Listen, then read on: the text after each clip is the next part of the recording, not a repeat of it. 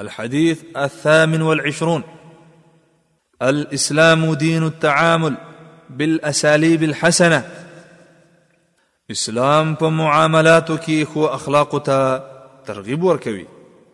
عن ابي ذر رضي الله عنه قال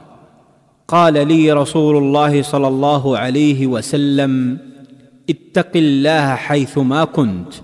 واتبع السيئه الحسنه تمحها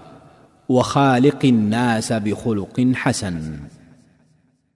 تأبو ابو ذر رضي الله عنه سخ رواية فرماي نبي كريم صلى الله عليه وسلم فرمایلی لدي دا الله تعالى نا ورکوه هر چوي او که په ګناه کې مبتلا شوې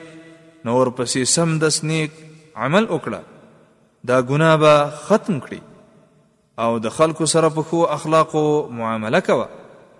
د دې حدیث دراوی پیجندنه مخکې په لسم نمبر حدیث کې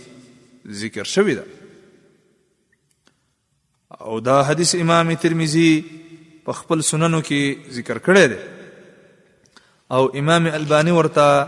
حسن ویل دی من فوائد هذا الحديث د دې حدیث د فوائد څخه اول د الله تعالی حکمونه منل او د هغه د نافرمانۍ نه ځان ساتل دې ته تقوا وای او په دې سره انسان د الله تعالی د عذاب نه بچ کیږي دوهم خ اخلاق دې ته وایي چې د هغې خواله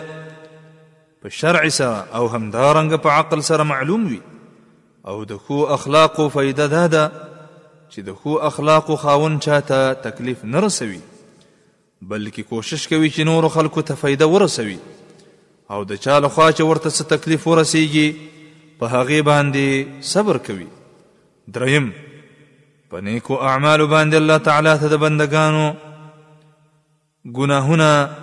معاف کوي او دا د الله تعالی د مهربانۍ نښه ده څلورم